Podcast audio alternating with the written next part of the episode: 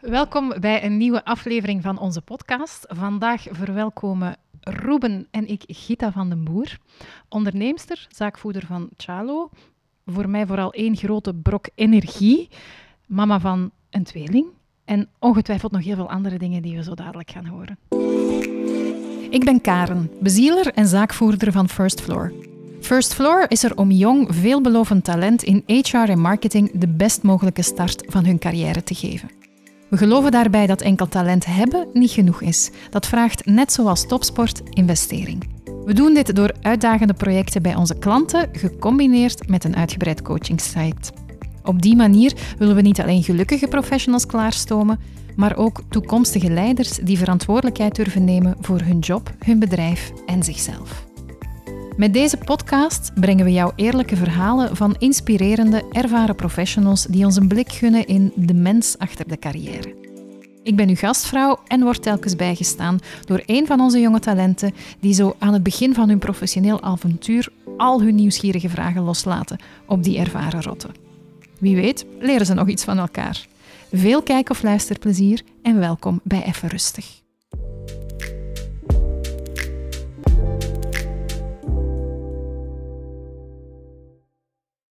Dag Gita. Hallo Karen, dankjewel Welkom. voor de uitnodiging. Hoe is het?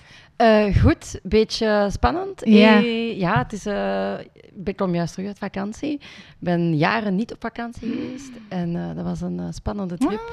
En dus nu even landen. Ja, oké. Nou, welkom. Land maar.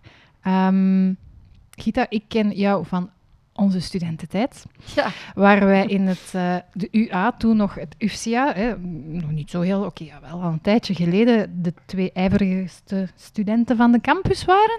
Of ne- niet? Ja, ijverig wel, hè? Ijverig altijd geweest. Ja, dat is waar. Dat is waar. Maar ehm, voor wie jou niet kent, wie, wie is Gita? Eh, ja, wie is Gita? Ik ben eh, Gita van den Boer. Ik ben eh, ondertussen eh, 42 lentes jong. En ik ben geadopteerd uit India en dan opgegroeid in Limburg. Eh, dan eh Grieks-Latijn gaan studeren. En dan ben ik, eh, ja, omdat ik het even, even allemaal niet meer zo goed wist, eh, want ik wou voor geneeskunde gaan, ben ik toch maar iets anders gaan studeren, onder druk van ja, invloed van mensen en zo. En dan een heel lang verhaal kort, want daarover misschien later ja, zelfs ja, wat ja, meer. zeer graag. Nu onderneemster, mama en ja, zo nog altijd geboeid door alles en nog wat. En eh 100% in alles gaan. Ja, en dan. Soms eens moeten. eh, Zeg ja, maar gerust uitpuffen. 200, 200 procent, Ja. zoals ik u ken. Gita, ik word ook altijd bijgestaan door een, eh, een enthousiaste en meestal zeer nieuwsgierige co-host. Vandaag is dat Ruben. Ja, aan u dezelfde vraag. Hè. Wie, eh, wie is Ruben? Dank u, Karen. Ja, ik ben eh, uiteraard ook heel vereerd dat ik eh, nu co-host mag zijn. Ik ben inderdaad Ruben, marketing consultant Mhm. bij First Floor. Ik denk ondertussen al iets, lang, ja, iets langer dan een jaar ondertussen. Ga snel. Het gaat eh, enorm snel, inderdaad. Als ik terugdenk aan mijn, mijn begin maanden, Mhm. dan zit het nog heel fris in mijn geheugen. En ja, ik heb gewoon heel veel zin, denk ik, om er nu in te vliegen. En vooral ook Gita beter te leren kennen en het, het verhaal achter de onderneemster die dat ze is. Hè. Ja, dan gaan we er maar ineens aan beginnen. Hè.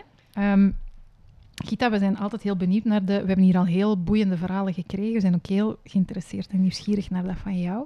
Wat ik ook altijd wel leuk om te vragen vind, is waar is het voor u eigenlijk begonnen? Want ik merk dat dat beginpunt voor heel veel mensen ook ergens anders ligt. Mhm. Waar is zo, als je zegt van oké, mijn loopbaan, daar, dat was voor mij het startpunt. Voor mij is het startpunt van mijn loopbaan, als ik er nu op terugkijk, dat gaat misschien raar klinken, maar eh, vooral het ondernemerschap en wie ik nu ben, is vooral eigenlijk gestoeld op wie ik destijds als student was. En ik heb daar eigenlijk, denk ik, eventjes afstand van genomen, om daar dan zo terug op terug te kijken en te denken, ah ja, maar toen is het wel allemaal begonnen, wat ik eigenlijk echt in mijn mars had. Vertel. Ehm, De ah, studententijd. Ja, de studententijd. Ja, ik, eh, ik wou altijd... Er kan eh, geknipt worden in die nodig, hè? worden. Ja, daar zullen we ja. samen op letten. Ik denk dat dat ook nodig gaat zijn. Nee, maar ehm, ik, eh, ik, wou altijd, ik was eigenlijk altijd, hoe zeggen ze dat, de eerste van de klas in het middelbaar. En Mhm. goed studentje, braaf studentje, Mhm. Grieks-Latijn, Mhm. zes uur wiskunde, zo alles volgens het boekje. Mhm. En ehm, dan dacht ik, ja, oké, ik ga voor mensen zorgen ik ga geneeskunde studeren. Ik was gigantisch intrigued met zo eh, trauma en, eh, en, en eh, hoe noem je dat, spoed.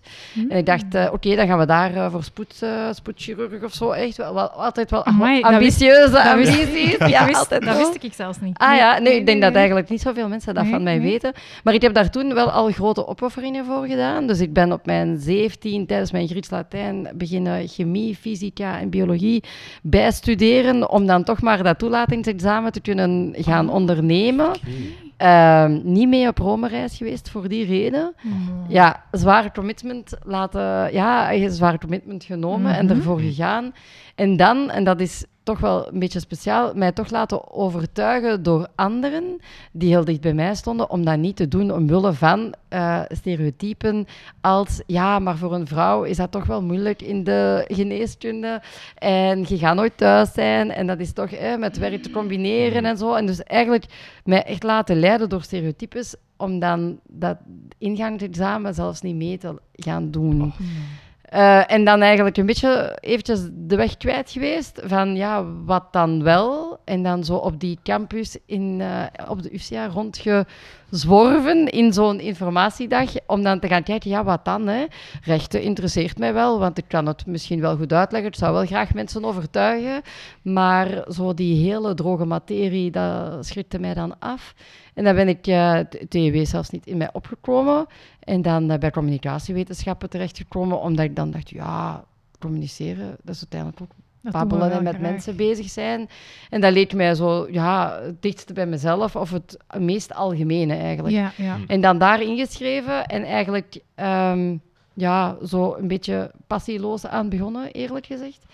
Ehm, maar als ik dan kijk op wat dat, dat uiteindelijk is uitgedraaid in een gigantisch energetisch geheel, een ecosysteem van studentenverenigingen, faculteitsraden, algemene vergaderingen, proffen leren kennen, de rector, de... Allee, ja, met wie hebben wij daar allemaal hè, aan tafel, maar ook op café gezeten, Zoals Karen? iedereen. Hè? Met iedereen. Maar dat maakt ook dat je met Ja, iedereen aan je geleerd om je te bewegen in een ecosysteem en je plan te trekken. En ik denk, je plan trekken is toch de basis van wat, dat je, wat dat we nu allemaal doen. Mhm. Ehm, want dat, dat, dat is het allerbelangrijkste. Is Mhm. uw, uh, uw slag slaan, uw, uw focus leggen op de momenten en vooral op de plaats waar het op dat Mhm. moment moet zijn. En, en echt in seizoenen of in momenten te denken van eh, wat is er nu prioritair.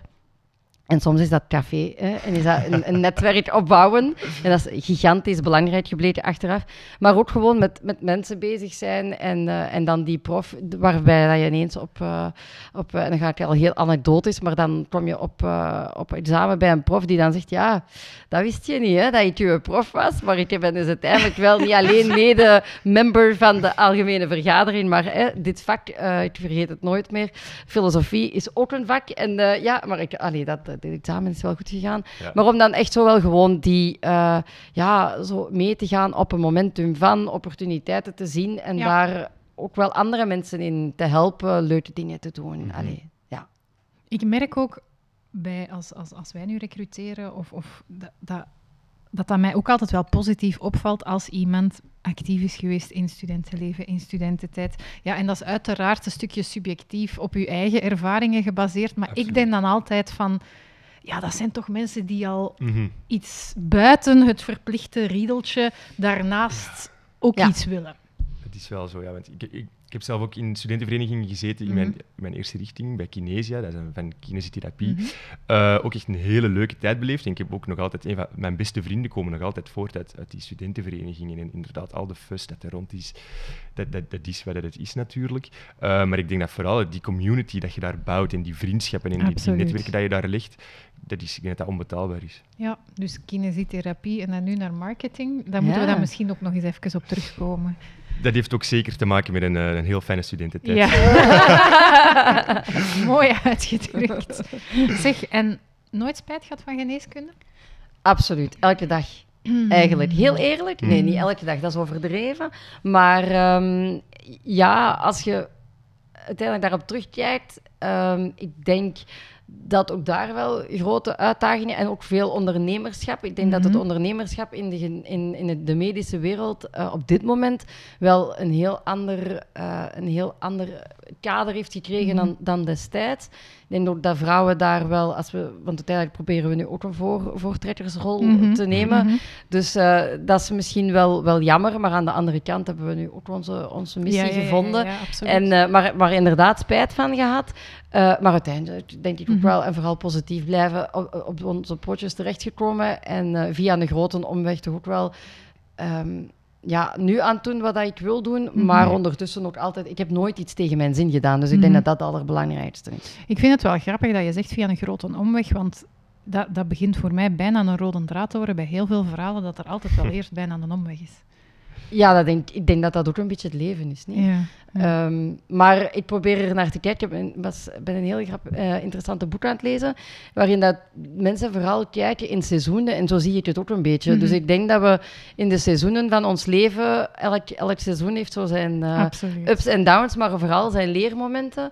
En als je daar dan op terugkijkt, heeft dat ook allemaal wel, wel eh, mooie, hoe zou ik het zeggen, ervaringen gebracht. Hm. Maar ook, ja, ik had het ook niet anders gewillen, denk Nee. ik. Dus dat is wel Nee. het allerbelangrijkste. En ook elke leeftijd zijn charme, want ik werk nu dagelijks met mensen van, hè, van in de twintig, maar ik zou zelf geen twintig meer willen zijn. Terwijl, Nee? nee, nee, echt niet. Nee, ik ben, ik ben eigenlijk super blij met mijn leeftijd. Terwijl ik denk, als je toen tegen 24-jarige Karen had gezegd van, oh, als je begin 40 of 40, oh nee. En nu heb ik echt zoiets van, ja nee, dat is, dat is anders, maar dat heeft dan Ja, weer ja. andere... Ja. Dus op dat vlak eh, heb ik zo de, met de seizoenen... Dus ja, elke leeftijd zijn charme. Ik geloof dat ook wel, ja. Ja. Het is, eh, ik, dat is iets niet per se waar ik naar uitkijk. om Nee, nee, mijn- maar dat, dat, nee, je moet eerst vooral genieten Ja. van waar dat je nu bent. Ja, ja, absoluut, ja, ja, ja. Absoluut. Dan, nee, nee, ook dat, je moet gewoon genieten van waar dat je je op dat moment Mm. bevindt. Want dat is altijd super tof. Absoluut. Zeg, die, die studententijd, Ja. hoe, hoe is dat gegaan allemaal? Goh, hoe is dat gegaan? Ja, ik heb echt... eh, tijdens mijn eerste... eh, ze hebben daar zo een soort kennismakingsdagen. En tijdens die, eigenlijk die kennismakingsdagen ben ik meteen in contact gekomen met de mensen die de overkoepelende studentenvereniging eh, ja, voorzaten, zal ik maar zeggen. Ja, ja, ja. En met daarmee niet alleen in contact te komen, daar was ook een, in mijn richting een bepaalde nood aan een studentenvertegenwoordiger vanaf Mhm. het eerste moment, omdat daar spijtig genoeg iemand eh, niet meer beschikbaar was, zal ik maar zeggen. Ehm, en dan hebben ze mij meteen opgepikt van, ah ja, zie je dat niet zitten, want dat zou misschien toch wel iets voor jou zijn. En zo eigenlijk daar een beetje on, on, onbe- onbezonnen in gerold. Mhm. Ja. Eh, maar dat wel meteen redelijk serieus Ja. opgenomen. En Ja. Dan, ja, dan is de bal aan het rollen gegaan. Hè. Een overkoepelende student. Eigenlijk heb ik de weg ook daar andersom genomen. Van een overkoepelende studentenvereniging, wat dat mensen meestal doen, die uit het gedruis Ja. komen. Hè, die uit, Ja, eh, ja, ja, uit ja, ja. faculteitsgedruis komen. Ja, ja, ja, En eh. Uit de wilde feestjes, zal ik maar zeggen. Maar eigenlijk daar gestart. Ehm, en dan eh grote evenementen gedaan. En bijvoorbeeld Ja. toen was de Stadsfeestzaal was nog een evenementenhal. De- onze eerste TD's waren in de stadsfeestzaal. Ja. En dan kwamen er echt 5000 mensen Ja. naar eh, Ja. Zora, hè, naartoe Fabiola. Zora en, en- Inc. ja, En Ja. ja, ja ach ja. ja, ja. die tijden, hè. Ja, ja. Dus, dat, eh, dat- dus dan kom je terecht in een gigantische ja, wervelwind van activiteiten, maar Ja. ook ehm, ja, van, van dingen leren. Hè, van Mhm. hoe organiseer je zo'n feest voor 4.000, 5.000 mensen? Hoe ruim je dat op? Eh, wie is er verantwoordelijk voor geld? Hoe kondig je dat aan? Hoe zorg je dat je daar mensen hebt om te helpen? En zo, en zo gaat het eigenlijk heel snel, gaat de bal aan het rollen. En kom je terecht eh, ja, van de ene in de andere Mhm. verantwoordelijke Mhm. eh, heid. Maar Ja. dan zit je ook 's morgens inderdaad om zeven uur in, de, in de Agra een trokje te bestellen, omdat je dan juist met al die mensen ja. klaar bent om een heel mooi project te hebben neergezet. Dus ook die, die kick daaruit Ja. krijgen. Ja. Dat, dat, ja, en dan, dan zijn ze vertrokken in de adrenaline ride hè, of de dopamine ride. Ja. En dan ga je die blijven zoeken, denk ik. En eigenlijk, want ik ben heel veel naar de les geweest dat eerste semester, om dan eh, met de meest speciale punten na dat eerste semester thuis te komen. Ik had een 18, een 11 en een 6. Dus ik had meteen Oké. tweede zit van twee vakjes, hè, want dat was toen ook Ah nog ja, zo. ja want ik toen denk dat moesten we nog 12 hebben. Ja, ja, ja. ja. Dus dan had ik meteen tweede zit van twee vakken en een 18, wat dan bijna ongezien punt was Mm. toen. Ja, en dan was ik ook meteen mijn motivatie zowel verloren. Want Ja, ja, er was ja, weinig uitleg op die zes. En dan dacht ik, ja, dan gaan we all in in het andere verhaal. Hè. Ja, ja, ja. ja, Ja. want dat was inderdaad nog het systeem dat je had drie punten dat je ge- ge- geëvalueerd kon worden. Ja. En al de vakken die je onder de 12 had, nam je sowieso mee naar je tweede zit. Oké, wauw. dat is Ik heb in mijn eerste jaar een tweede zit van 10 vakken gehad. Ja, En dat waren bijna allemaal punten onder de 12 en ik denk maar één of twee tekort. Goh. Ja, Ja. Ja. Dat was, en, dat, en dat was toen ook echt schering en inslag. Hè. Dus eh, wij waren dat ook gewoon of zo. Dus eh, Ja, ja. als ik nu mensen aanneem en die hebben twee, dat is ten eerste hoor ik dat heel weinig, dat Mhm. mensen tweede zit hebben. Voor ons was dat echt eh, ja, bijna een, hè, ja, Normaal. een verwachting. Oké, nee, dat is niet waar. Maar het was normaler dan het nu is, denk Ja, ik. ik denk dat wel. Nu, achteraf gezien ben ik daar ook niet geweldig trots op. Maar aan de andere kant eh, van mijn derde, allee, dus eigenlijk mijn derde jaar, hè, want dan had je zo'n systeem dat je punten kon overnemen Mm, en heel ja, ik ingewikkeld, ook, ook niet ja. belangrijk. Maar eh, dan heb ik, uiteindelijk ben ik dan bij Guido terechtgekomen. Ja, En dat was zo eh, Guido, het studentenmagazinetje. en, Ja. en de Guido-gids, denk ik nu ook nog altijd Bestaan wel. nog altijd. Ja, nog zeker. altijd? populair. Ja, En ja. ja, dat bedrijf is ook eh, mooi uitgebouwd. En daar ben ik eigenlijk puur door mijn netwerk terechtgekomen. Want als je zo zelf degene bent die een sponsoring gaat ronselen voor je eigen studentenvereniging of die eh, overkoepelende ver- ver- vereniging, dan eh, ben je in contact met dergelijke mensen. Mhm. En die man heeft eigenlijk mij op een gegeven moment zelf gebeld van zich. Ik eh, groei door, dus eh, als je wilt mag je mijn job komen doen. Ik weet niet, heb je al een job? En ik zo, ja, maar ik moet nog twee jaar studeren, want ik heb een beetje te veel ondernomen tijdens het studentenleven. Dus eh, wat nu? En dan, ah ja, nee, dat gaat dat niet gaan. Ik zeg, maar wacht, misschien kunnen we... En ik denk dat daar een beetje het zit, hè, van dan een, met een oplossing, Ja. Maar iemand wacht. een oplossing te geven. ja, Hè? ja, ja, ja. En eh, heb ik hem zelf aangeboden van, kan ik dat niet doen tijdens mijn studentenleven? En dan doe ik het op een andere manier. Dat is iets anders dan achter de toog van de salamander te staan en eh, pintjes te tappen. Ja. hè, en dan die daarna ervoor te gaan opdrinken. Dus, en dan hebben we dat eigenlijk heel goed kunnen regelen, goed onderhandeld. En zo van de ene in de andere Mhm. job. Allee, van in de eerste serieuze job Ja. gerold Ja. een beetje. En ook Ja. uiteindelijk dan dat diploma gehaald. En dat diploma gehaald. Ja, ja, ja, ja, dat diploma gehaald. Ja, Ehm, ja, wat ik nu elke dag gebruik. ja, Ja, absoluut. Wellicht. Die boeken Ja. liggen naast mij elke dag. ja, ja. nog nee, even de nou. communicatieleer. En, ja. mhm. Geschiedenis van de telefoon. ja, toen Heel was dat nog heel belangrijk. Ja. En toen begon het echte leven. Ja, en dan begon het echte leven. En ik, dus ik was eigenlijk aan het werken als een ja, werkstudent, of hoe Mhm. heet dat dan? Mhm. Ehm, en dan ben ik overgestapt naar een fulltime statuut in een organisatie die eh, enerzijds heel graag wou groeien, heel ambitieus was. Mm. eh, drie mannen aan het, aan, het, aan het stuur, of hoe zeg je dat? Ja, aan Mhm. het stuur. Eh, en ik heb pas later beseft hoeveel ik daar geleerd heb en ook Mhm. Hoe hard ik daar in een soort start-up mentaliteit Mhm. heb mogen werken. Want ik mocht zoveel doen. Ik was verantwoordelijk voor het contact met de studentenverenigingen om die boekjes dan, hè, de Ja. gids dan te verkopen, maar vooral ook hè, voor de advertenties die, er, die erin eh, stonden. Ik mocht zelf content schrijven in het magazine. Ik had daar de beauty-rubriek, echt helemaal iets voor mij, hè, als je mij en hoort. Maar eh, ja, hè, dus eh, mode en beauty. En, maar dat, ik heb daar dan lifestyle van mogen maken. Dan was het al wat meer repels. Dus dat was Ja, het al wat ja, meer... ja. eh, je mocht altijd je eigen sausje over Mhm. alles gooien, toch? En, ehm, maar dan eigenlijk, ja, natuurlijk, je, je, je bent dan verantwoordelijk om foto's te gaan trekken van Smirnoff Ice events om Mhm. 1 uur, 2 uur s'nachts. Ja. En dat is super tof om dat te doen terwijl je zelf student bent. Hmm. Maar eens dat je dat niet meer bent en je vrienden ook niet meer meegaan, ja, dan is eigenlijk die relevantie, ehm, dan dooft dat wel snel uit. En vandaar eigenlijk eh, op zoek gegaan naar, eh, ja, Mhm. toch wel eens beginnen in mijn netwerk rondhoren van, goh, ja, wat nu, hè? Want ik kom uit een hele brede, eh, uit een heel breed pakket. Hmm. En ik wil wel heel veel doen, maar ook wel niet zo. Maar, en ik zag dan wel, wat dat wij wel hebben gezien, is eh, met onze richting communicatiewetenschappen was het wel blijkbaar niet zo gemakkelijk om aan een job te geraken. Hmm. Omdat eh, enerzijds de mensen die eh, communicatiebeheer hebben gedaan in hogeschool, die hebben een veel toepasselijker eh, pakket praktischer, gekregen. Ja. En dus die zijn echt klaar voor de arbeidsmarkt. Die weten ook hun richting, want die hebben een stage gedaan. Dus die hadden meer een beeld van richting daar of daar wil ik zelf gaan. Ja. Wat moesten wij doen? Wij komen uit een, eh, uit een Mhm. academisch verhaal. weet je niet. Hè? Als je dan die bagage van je, van uw studentenleven niet mee hebt. En ik had dan ook nog het voordeel van, ehm, ja, van, van, die, van dat werk te hebben Mhm. gedaan. Dus ik ben eigenlijk heel gemakkelijk dan eh, in de uitzend terechtgekomen. En dan niet meteen als recruiter, maar echt meteen als kantoorverantwoordelijke. Waarin dat ik eh, ook meteen ook weer een heel kantoor kreeg. En, eh, ja, dan, en, dan, en medewerkers die het mocht coachen en mensen gaan recruteren. En dat was eigenlijk perfect. Dat was eigenlijk een droomjob in een... eh voor wijlen Philippe Craco en, Mm. eh, en Tony dan. Ja, ja. Ehm, en dat was een prachtige leerschool eigenlijk, Ja. om dat te mogen doen. Ja, Ik merk wel op dat die, verant- die verantwoordelijkheid dat je direct neemt of claimt, dat dat wel iets is dat overal in terugkomt. Ik vind dat wel frappant. Ja, dat is een mooie opmerking. En nu dat ik dat zelf vertel, sta ik daar ook wel meer bij stil. Maar ik denk op het moment is dat niet. Ik denk dat het een beetje een onbewust plichtsgevoel gevoel is, of plichtsbewustzijn is, dat er wel is ingehamerd door mijn, eh, mijn ouders.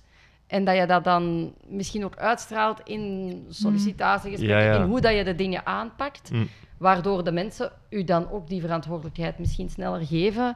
Want ik kan me wel herinneren ehm, dat er mensen waren met dezelfde, inderdaad met dezelfde academische achtergrond, Mhm. die dan ja, wel eh, in een heel andere positie die ze, ja, Ja, ja. Hè, terechtkwamen. Dus dat is een beetje, denk ik, ja, hoe dat je er zelf in staat. En ik denk ook wel in een puur inside rol eh, in een kantoor en alleen de mensen screenen, dan denk ik dat ik snel... eh, ik heb ook echt die, die nodig van naar buiten te gaan, Ja, ja. mensen te leren kennen, eh, die te vragen wat dat hun boeit. Niet om mijn verhaal te vertellen, want ik ben een heel slechte... Ik kan wel pitchen, maar ik ben een heel slechte verkoper als het gaat over...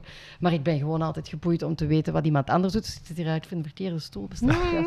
Maar ehm, ja, en dan maakt ook dat je, als je goed kan luisteren naar hoe het, of als je heel nieuwsgierig bent naar mensen, dan kan je wellicht ook snel onderscheppen wie zij in hun team willen of ja, welke job dat voor hun dan goed zou passen en misschien ook vooral welke niet. Ja, en Ja, dat, ja. Is, dat is eigenlijk even de definitie van een goede recruiter of goede HR samengevat. Hè. Gewoon oprechte interesse hebben in Ja. mensen en kunnen detecteren wat dat er nodig is. Hè. Ja, en dat Ja. is zo schoon als dat Ik vind dat lukt. super schoon, nog Ja. altijd. Ja, ja. Ja. Ja, dat blijf ik ook. eh, maar in een eigen bedrijf is dat heel, heel moeilijk. moeilijk. Ja, ja. ja, dan de goede mensen aanwerven, dat is... eh, Wordt nu naar mij gekeken? Nee hoor, niet, nee, eh?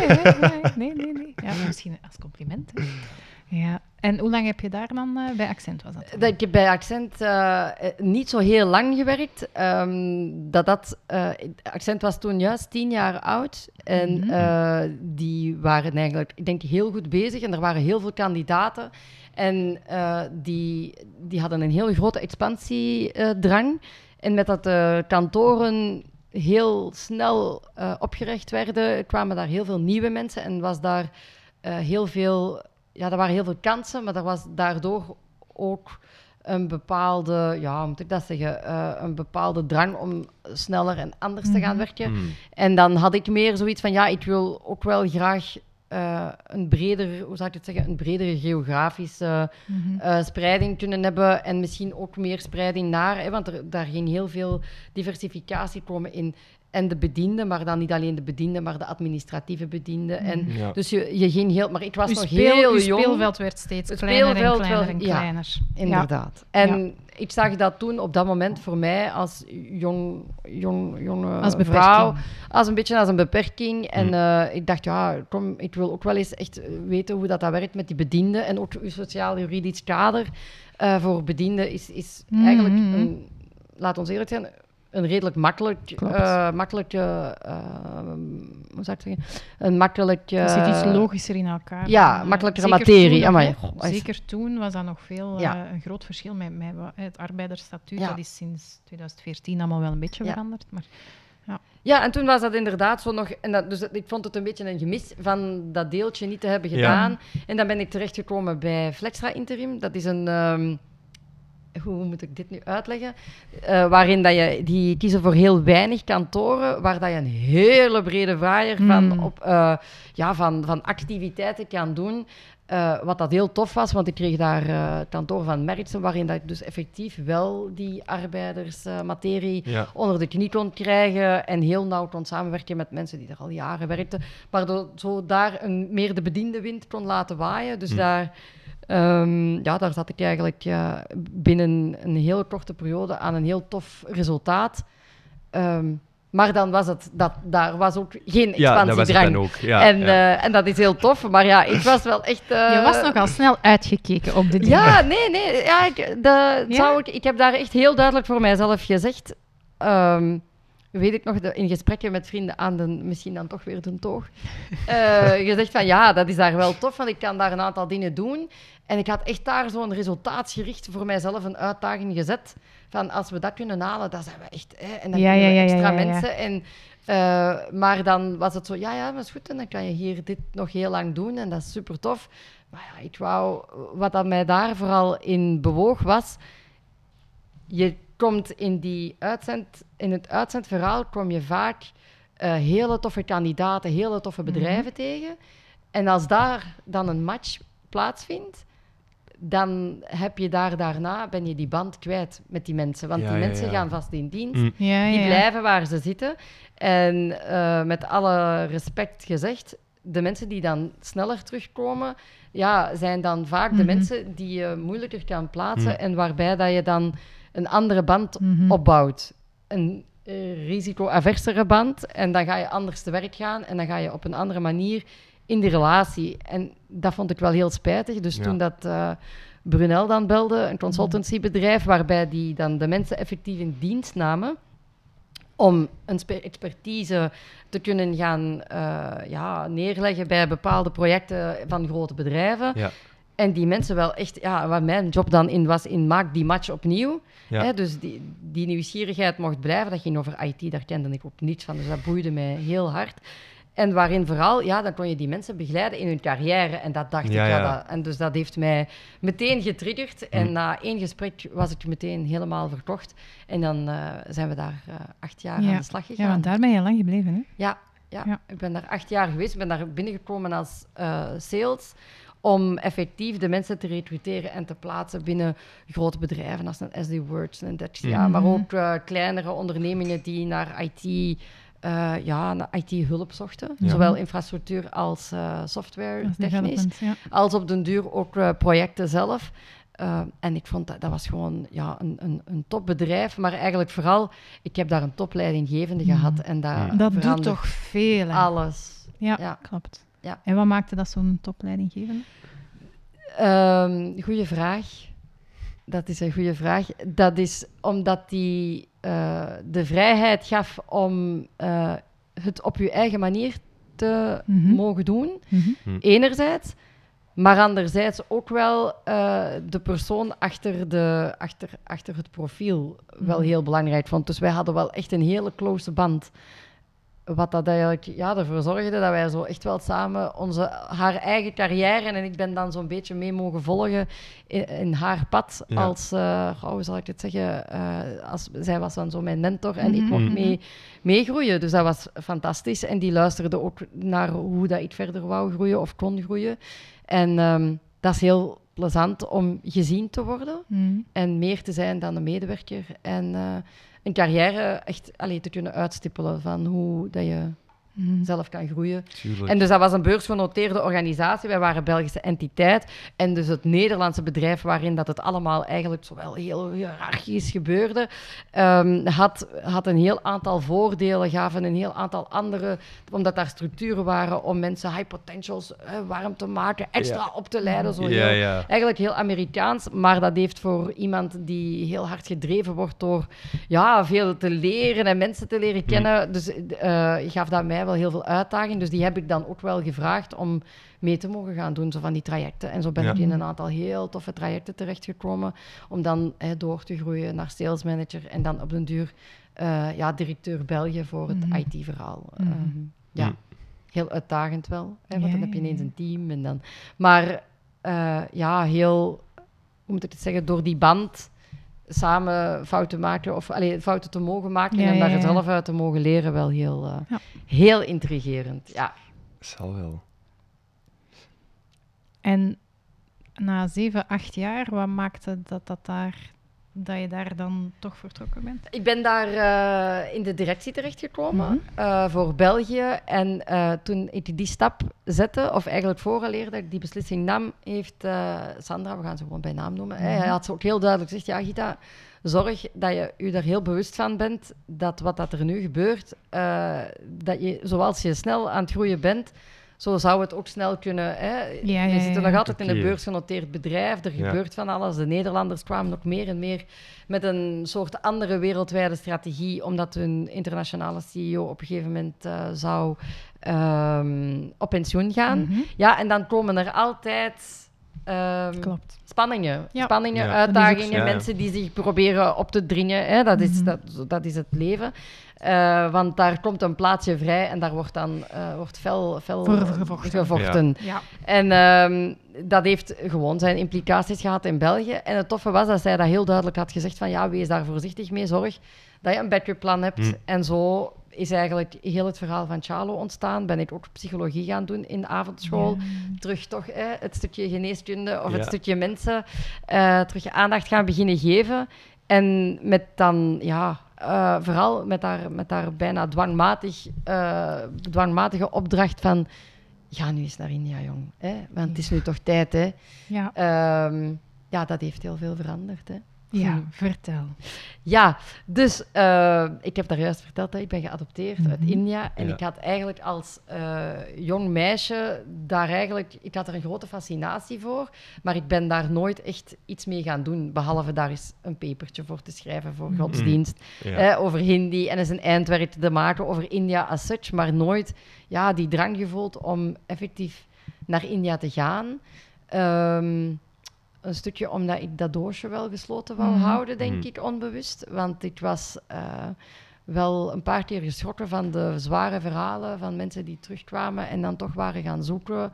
Mijn ouders zijn er altijd heel open in geweest. Als jij wilt gaan, dan, gaan we, eh, dan pakken we het vliegtuig en dan gaan we India bezoeken en dan gaan we zoeken naar wat dat jij wil weten. Mhm. Maar ik heb dat zelf een beetje voor mij uitgeschoven.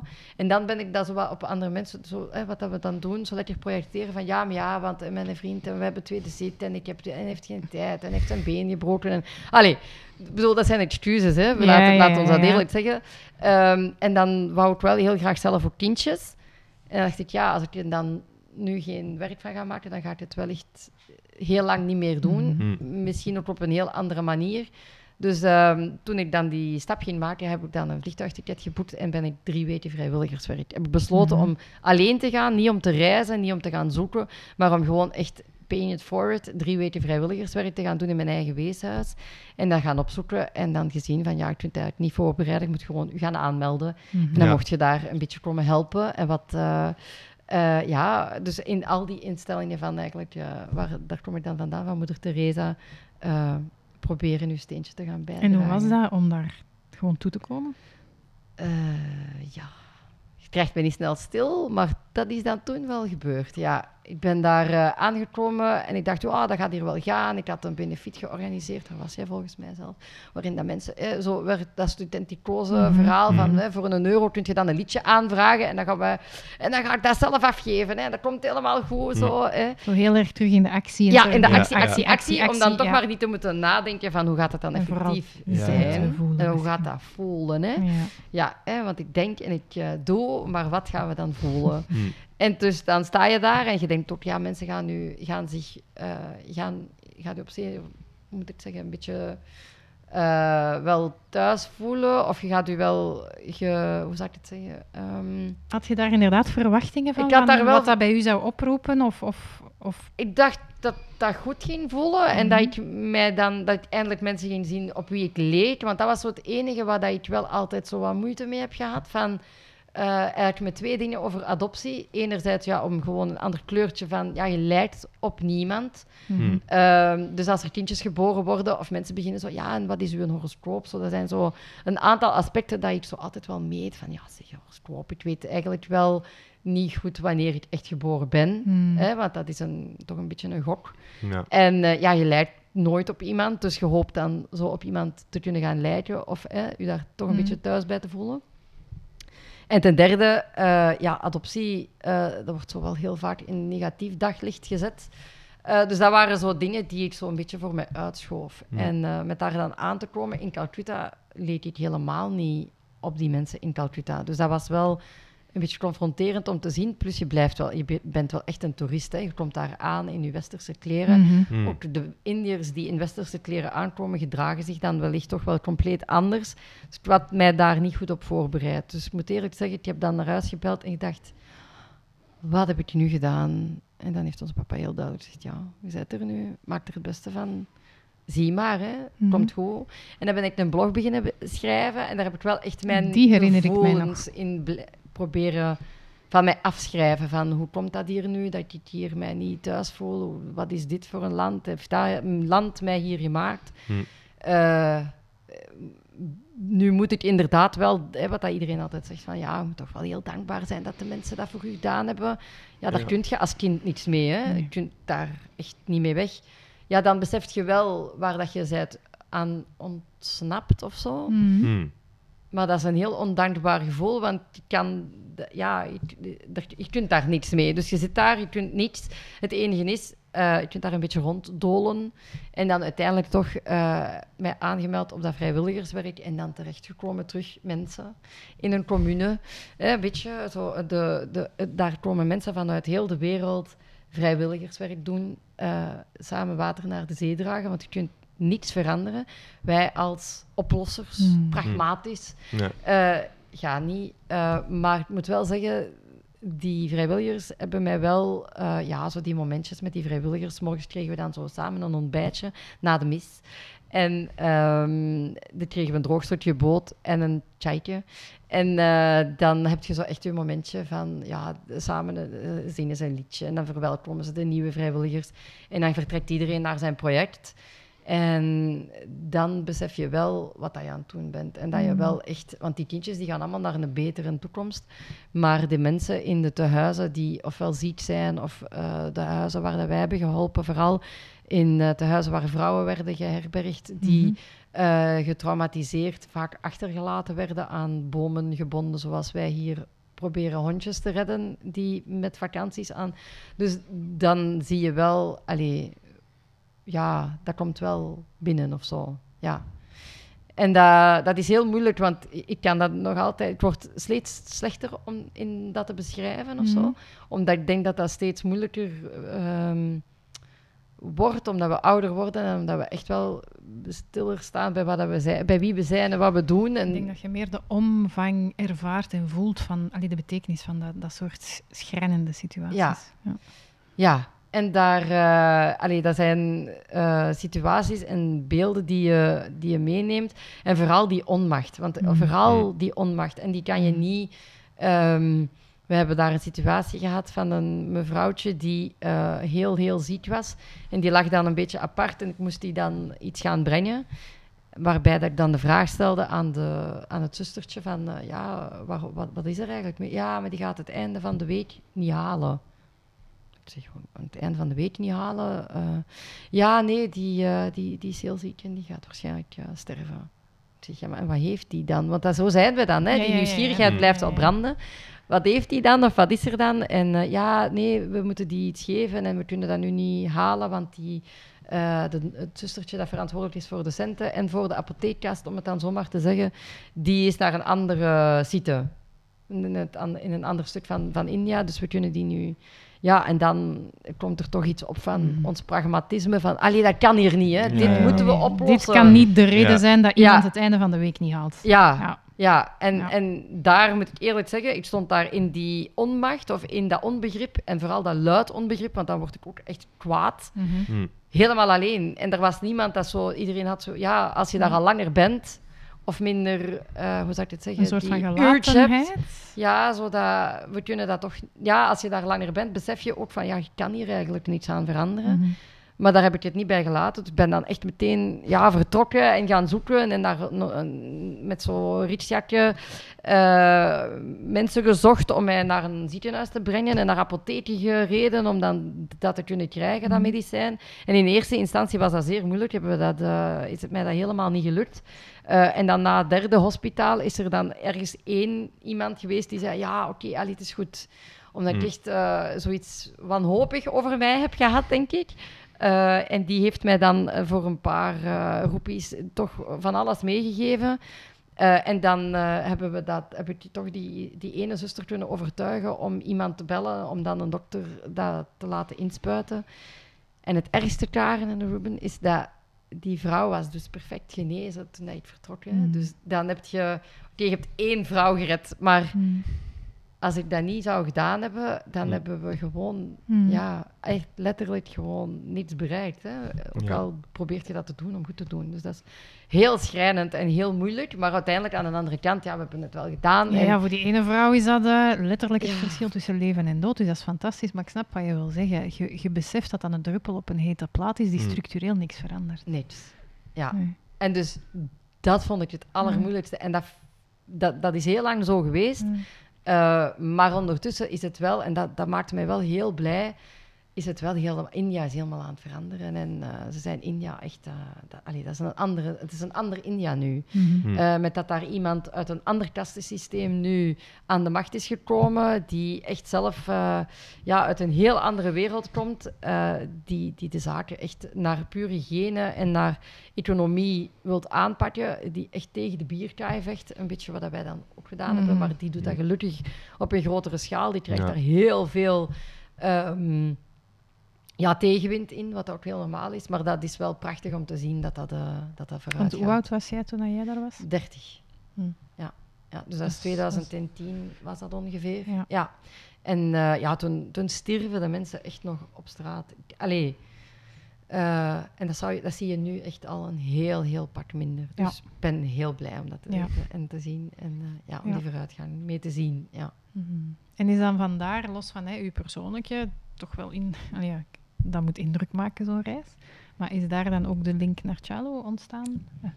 Ik veronderstel van. Ja, ja, ja, ja, ja, ja zeker wel. Zeker wel.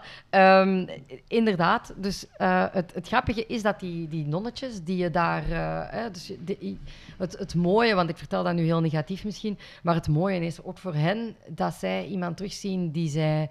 Wat dat, allee, je bent eigenlijk het product en het resultaat dat het, dat het goed kan komen. hè. Mhm. Het feit dat je Mhm. terugkomt Ja. en ook vooral dat je komt helpen. Dat was voor hun. eh, wow, one of our child, you are our child.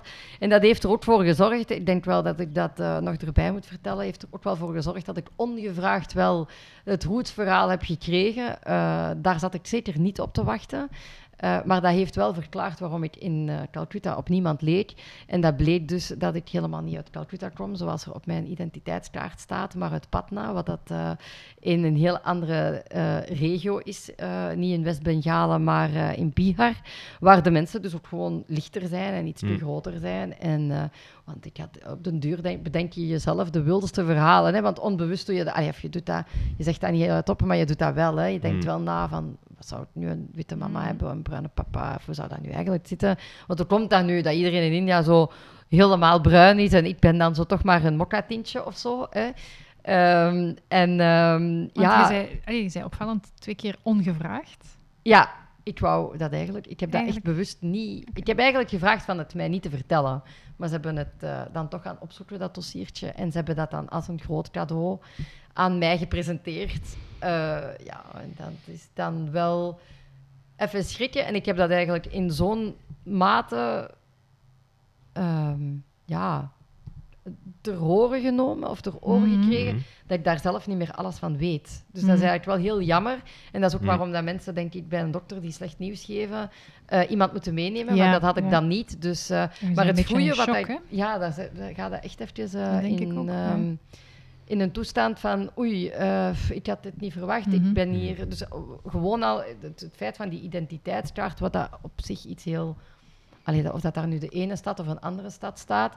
Maar ehm, vooral de reactie van mijn eh, mede-vrijwilligers die zoiets hadden. Ja, zie je wel, daarom leek je daar die, leek jij daar in Varanasi wel op die mensen en hier niet. Hè, want dat, dat verklaart veel. En het mooie, en daar ben ik wel gigantisch dankbaar over. En dat is wel iets wat ik heel hard meeneem en, eh, en cherish van, van daar uit, die, uit, die, eh, uit dat vrijwilligerswerk. Is dat ik, ehm, ik had een foto erbij van de eerste foto die ik heb gekregen als ik... Nee, de eerste foto die mijn ouders hebben gekregen, toen ze mij gingen gaan adopteren. Hm. En eh, daar stond ik dus op met mijn originele naam, eh, in de armen van een, van een nonnetje, hè, zoals wij dat zeggen, nonnetje. Ehm, en die, eh, dat nonnetje bleek nog te leven. En eh, dat was wel het schitterende aan, aan die roots, eh, Mhm, aan dat mhm. rootsverhaal of aan dat rootsgesprek, is dat ze mij dus heel hard op het hart hebben gedrukt van die leeft nog. En die, je moet zorgen dat je die ziet, want Ja. je, Zal moet die wel. naar, je moet daar naartoe. En eh, ik had zoiets, ja, maar dat gaat niet, want eh, eh, plichtsbewustzijn. Nee, dat gaat niet, want wij hebben hier luizen dingen gekocht en wij hebben kleren gekocht voor al die eh Ik 200 moet hier mijn vrouwen. Ja. taken doen. Ik ga, want ik heb nog maar drie dagen, dus ik moet in die drie dagen heel mijn planning afwerken. Want ik heb hier een, eh, mijn woord gegeven aan de mensen die geld hebben gegeven op die benefiet. Dus ik heb hier dat te doen. Ik ga dat, nee, dat gaat niet meer. En toen, heeft, toen is er wel even iemand is in mijn kamer gekomen en gezegd: Gita, je gaat hier de kans van je leven toch niet laten liggen. Gelukkig. Plus dat madammetje, allee, dat is ook een vrouw, hè. dat is ook Mhm. die zuster, die gaat u wel willen gezien hebben. Hè. En, ehm, dus ja, we hebben dan toch onze plannen omgegooid en, eh, eh, en, en daar naartoe gereden met een driver. En die was zo blij om ons te zien. En die ik probeer daar nog brieven naar te schrijven. Ze reageert. Ik weet ook niet of ze nu nog leeft. Hmm. Maar ik moet wel zeggen dat dat echt een, eh, ja, een heel intense ervaring is geweest. Ehm, maar voor mij was dat heel moeilijk. En ik nog steeds, want ik voel dat ik nog altijd zo wat zenuwachtig word als ik erover praat. Omdat voor mij teruggaan en voor mij de roots, mijn roots zijn mijn ouders. Hier in België zijn mijn ouders. Hm. En mijn roots, dat was India. En dan de motherhouse van moeder Teresa zien. En die tombe, die graftombe, want ik had die ook een paar keer hier in België. Hè, want die kwam toen vaak, allee, die deed wel eens wat reizen.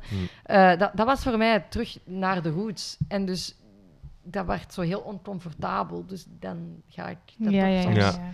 Dat voelde, dan Dat verhaal weer een beetje overhoop gegooid en dan, dan daar word je onrustig van. Dan. Ja, Ja, maar nu, kan, ik kan het mij niet voorstellen voor alle duidelijkheid, maar als je het vertelt, klinkt het inderdaad van... eh, ja, en dat is wel allemaal, om dat stukje af te ronden, dat is wel allemaal veranderd met zelf zwanger te worden.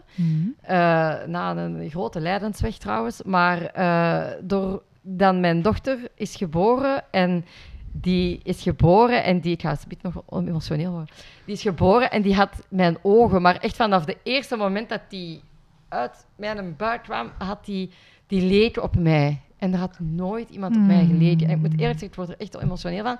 Maar dat heeft zoveel gedaan voor mij. En nu maakt mij dat ook niet meer zoveel uit. Want ik geloof wel heel hard in het feit dat je, eh, je, je, je- dat je bent wie dat je bent door je Mm. omgeving. En dat je Mm. echt gevormd wordt door je ervaringen, door, u, door wie dat er rondom u is en hoe dat je daar ook Ja, zelf is- mee omgaat. Dat, dat, is, dat is het rationele stuk maar dat, dat nu bloed, spreekt. Hè. ja, maar dat was wel Puur echt zo- emotioneel het gevoel van iemand die lijkt ja, op mij. dat is ongelooflijk. En nu heb ik echt twee halve minimies rondlopen. Eentje, ze hebben alle twee super, want ik heb een tweelingetje van zes. Ze hebben alle twee mijn ogen, maar vooral zo dat karakter en dat willen en die drive. En het is heel moeilijk. Ik moet eerlijk zeggen, soms denk ik, oh my god, hoe confronterend dat dat is. Maar het is ook wel heel, het is het beste in de wereld van, ook gewoon om effectief iets te hebben van roots. Hè? Mhm. Of Ja, dat je nu, ja. want mijn ouders zijn altijd mijn ouders en ik ben echt waar Mm. hetgene dat, hun, dat zij hebben voorgebracht. Meer dan dat India ooit heeft kunnen doen.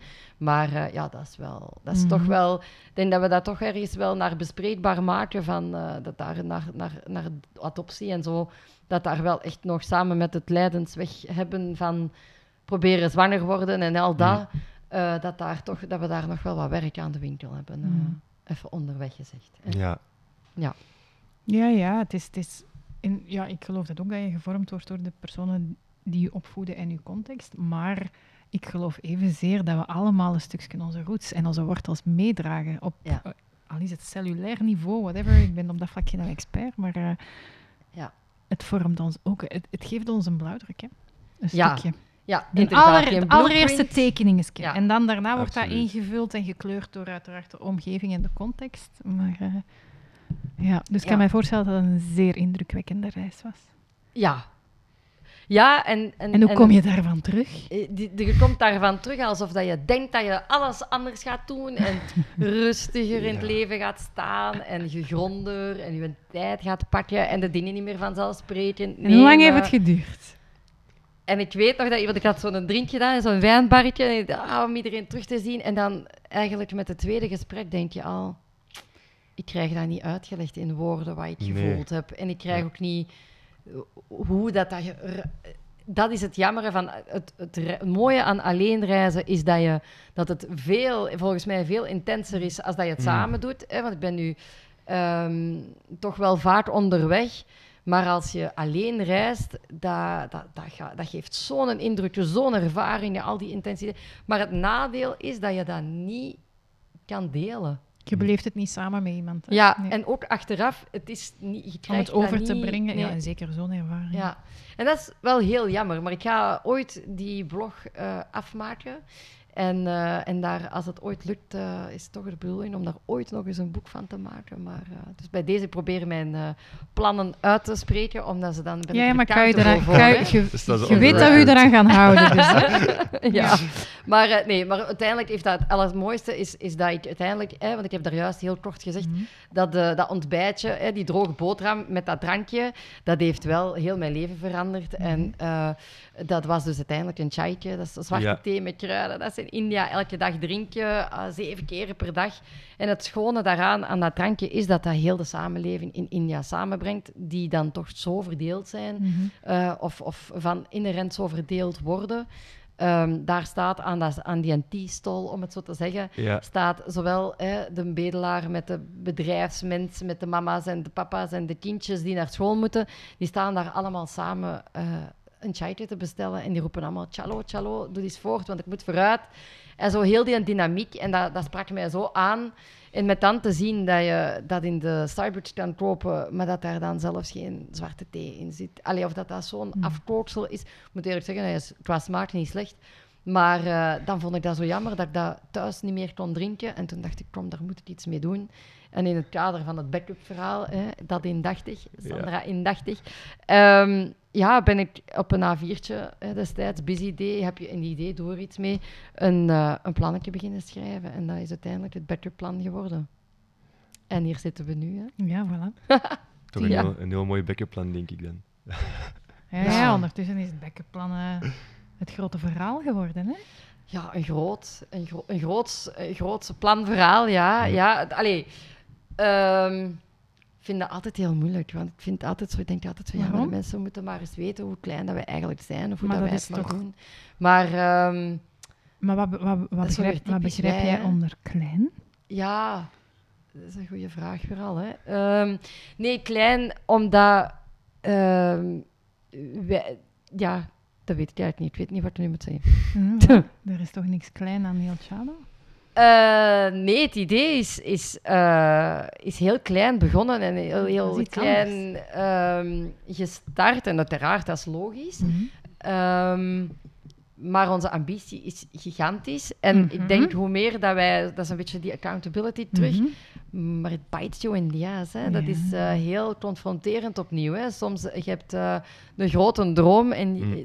we doen eigenlijk met, met de chai als must op de warme drankkaart te willen pushen in eh, alles wat dat horeca is. En ik wil het nu ook in het bedrijfsleven brengen als een goed alternatief voor minder cafeïne op de Mhm. werkvloer. Mm. Hè, dus in de namiddag om toch die kick te krijgen. Ja, je dwingt jezelf om het heel ehm, als een grote, positioneert het als een grote must. Maar dat maakt, ja, dat maakt je ook heel kwetsbaar om het dan ook waar te maken of zo. Mhm. Eh, maar ik denk dat we een goede job aan het doen zijn. Eh, we wilden in de specialty coffee, eh, we wouden eigenlijk in de, de, de tien beste koffiebars van België, Nederland en Luxemburg verkrijgbaar zijn om te starten. Ja, en ik denk wel dat we, dat we kunnen zeggen dat we daar zeker in geslaagd zijn. We zitten nu in 33 landen en zo. Maar we zijn, zijn wel een klein, bijproduct. Ja. Ja. maar je blijft natuurlijk een bijproduct eh, in, een, in een gigantische industrie. Maar Hm. wat dat het tofste is, en, ehm, en daarom voel ik mij altijd klein, eh, dat is zo'n schone industrie. Dat is Mhm. echt zo nog Mhm. een mensenindustrie. Ja. En dat maakt het vooral mooi. Maar dat maakt ook dat ik nog echt wel bumbel ben en denk... Ja, als ik nu aan die grote mannen gaan kunnen leveren en dat begint stilletjes aan te lukken, dan, eh, ja, dan Want hoe is het eigenlijk begonnen? Ik kan me voorstellen dat dat voor veel mensen ook nog een beetje een, een ongrijpbaar verhaal is. Je komt terug na zo'n reis, je hebt zoiets van, oké, ik ga hier mijn plan B's vastpakken, een A4'tje, busy day. Ja, en dan? En dan, ja, eigenlijk is het... eh, De, de topic voor mij was vooral, die missie was, hoe kan zo'n schoon product met zo'n mooie traditie hè, eh, en een authenticiteit, die authenticiteit niet meedragen in de wereld? Ehm, want Indiërs zitten overal. Je hebt overal een Indische Mhm. commune en die nemen overal hun eigen traditie mee, hun drankje mee, hun chai mee. Maar... eh, Het ging niet verder dan buiten die commune. ze gaan dat gewoon, ze blijven dat zelf drinken. eh, en dat is het dan. Ja. En ze maken dat zelf en ze prepareren dat voor zichzelf. En dat is iets van ja, hun. Van hen. Ja. En, van hen. En ehm, dan uiteindelijk hebben de chai tea lattes, de Starbucks, de koffieketens, de third wave of coffee had, had die ruimte gemaakt om eh, te, dat verhaal naar buiten te Mhm. brengen van koffie, van de origine van koffie, van de, de, de, de, de telers, hè, die echte koffiebonen gaan, eh, gaan groeien en oogsten. Dus er, werd, er kwam in die third wave koffie, hè, dat is eh, de, de, die periode waarin dat de koffiebarretjes, de kleine koffiebars Mm. uit de grond, als paddenstoelen uit de grond kwamen, Dat herinner ik kwam er echt wel ja, die, die nood ook aan het verhaal achter het product. Ja. En met dat er nood achter, allee, of dat die verhalen boven kwamen van eh, de koffie, Mm. ja, kwamen in die koffiebars waar de tijd wordt genomen om rustig een koffietje te Mm. maken, waarin dat die barista de tijd neemt om zijn latte art te doen. Ja, daar kun je geen alledaagse Coca-Cola naast, naast zetten. En zo kwam die ru- zag ik heel hard wel ook die ruimte om dat andere product, die traditie van die chai daarnaast te kunnen eh, positioneren. En zo hebben we eh, die kans gegrepen en vooral dat momentum gegrepen om eh, ja, te zoeken naar die juiste storytelling, hè, het verhaal. Ik ben geadopteerd, ik ben teruggegaan, ben Ja. vrijwilligerswerk gaan doen. Ik zie daar en het is echt gewoon gegaan zoals ik het elke dag vertel. En op de duur klinkt dat zo'n beetje hè, alsof dat je in herhaling valt, maar dat is wel effectief het authentieke idee. En het is zo jammer dat die authentieke Indische thee niet in die koffiebars wereldwijd lag. En dat hebben wij dan proberen mogelijk maken door een product te maken op vraag van eh, die koffiebars om die eh, dan te gaan verkopen wereldwijd. eh, maar wel effectief de Indische chai en Ja. niet een of andere, wat dat ik het een beetje het milky, milkshakey, fate ja, bijproduct noem. En ehm, ja, dat, we hebben dat gedaan in een markt waarin dat er ruimte was. En het was vooral het allermoeilijkste was iemand vinden in India die mij geloofde dat ik echt dat, ja, dat project wou, wou serieus uitvoeren. Ja. Ehm, en uiteindelijk is dat dan gelukt na heel, na anderhalf jaar ehm, te proberen die mensen te overtuigen. En dan uiteindelijk, en dat is heel spijtig, met een man aan tafel te komen. Eh, omdat je dan ineens toch wel ergens die ja, ernst kon krijgen en ernstig genomen werd, wat dat me heel veel gefrustreerd heeft. Mhm. Maar ja, het is zo. Het was nodig. Wat is even waar. Mhm. Want dat vroeg ik mij ook altijd af van, oké, je kunt dat idee hebben, hè, dat A4'tje, maar hoe begin je daar in godsnaam aan om inderdaad leveranciers en, want je hebt je, je hebt je producten, ja, ik, ik heb heel mijn leven in de dienstensector gewerkt. Ja. Ik heb nooit een product gemaakt, dus dat fascineert mij al van, oké, en dan in uw geval nog eens, hè, ik weet van, jij wou dat heel authentiek doen, je wou een stukje van de cultuur en het verhaal daar rond ook, en niet gewoon vanuit een commercieel standpunt, maar echt vanuit, ik wil dat verhaal, dat hoort daarbij. Maar hoe, hoe begin je daar te zoeken naar, naar de juiste partners, leveranciers? eh, Ja, daar moet ik zelf eigenlijk al nadenken. Maar eigenlijk is dat heel organisch een beetje gegaan. Ik heb Mhm. gewoon opgeschreven uit mijn hart wat dat ik dacht dat er moest zijn. Mhm. Als missie was dat heel duidelijk. We moeten dat authentieke recept, want daar ging het om, Ja. we moeten dat verhaal en dat authentieke recept de wereld in krijgen. Want dat zijn, de twee, dat zijn eigenlijk de twee basiselementen. Dat zijn het recept en ja. het verhaal. Ja, Ja. en uiteindelijk, ja, dat verhaal, dat staat aan zich. Mhm. Dat kan je ergens aan, aan vastkleven, maar dan heb je effectief een product nodig.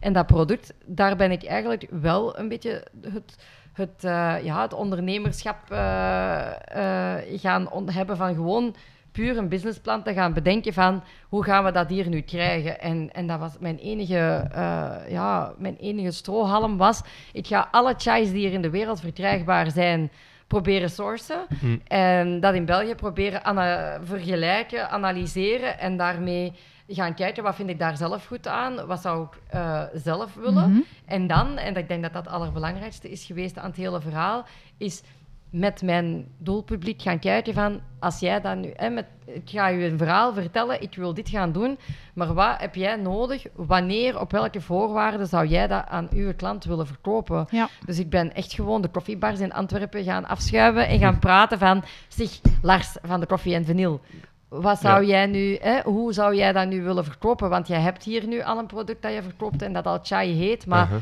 als ik dat nu wil doen, waar moet ik dan rekening Ja. mee houden? Waar, wat heb Wat jij voor u het nodig? verschil? Ja, Ja. letterlijk. Hè, zo op zijn antwoord, wat heb jij ja. nodig, man?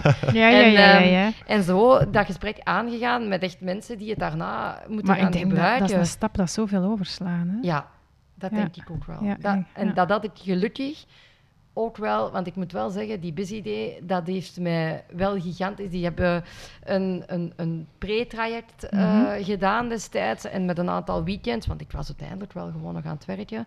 Ehm, en in die weekends had ik dan wel zoiets dedicated.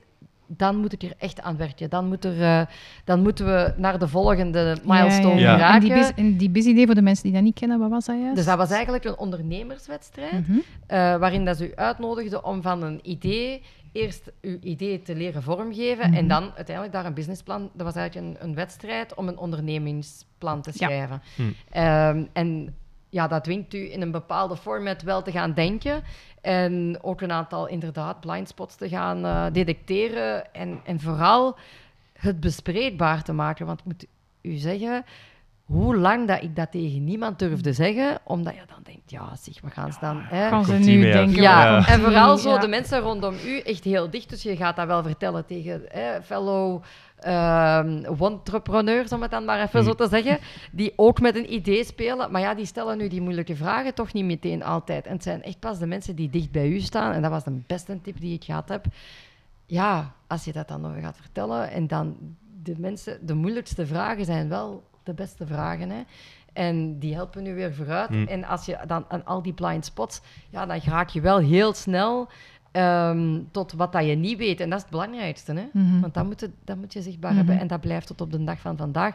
Wat zijn wij niet aan het doen? Hè? Dat is het allergevaarlijkste. Hè? Hmm. Want wat is onze meeting in een bedrijf? Ja, dat is ja, dan die, hè, en ah, follow-up en follow-up. En ja, dat is heel belangrijk. Maar het is vooral wat die mensen niet aan het doen zijn. Klopt. Daar zit het, hè. Klopt. Daar gaan we aan ten onder als Ik we vind niet dat zelf ook een van de grootste uitdagingen. Dat is om eigenlijk als, als, als ondernemer of zaakvoerder vooral aan uw bedrijf te blijven werken en niet dag in dag uit in dat bedrijf, want dan verliezen die belangrijke vragen het Ja.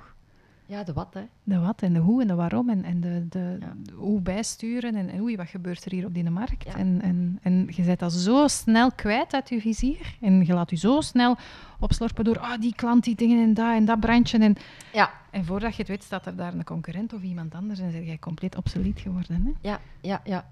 Dat is effectief eh, zo, zo, zo moeilijk, denk ik. Ehm, omdat je vooral in, in het fase van wat we allemaal, hè, of eh, met wie we hier nu, je, je staat er alleen voor en je wordt ook ehm, ja, opgeslorpt Mhm. gewoon hè, door de operatie en door Mm. je. eh, ja, Ja, ook door uw Door mensen laat on- en, door uw uw En klanten. zeker in tijden waar dat, hè, het, het buzzword employee engagement, hè, je hoort langs alle kanten dat je... En ik, ja, uiteraard, ik vind dat kei belangrijk, maar soms heb je... ja, Ik heb maar 24 uur in een dag. Hè.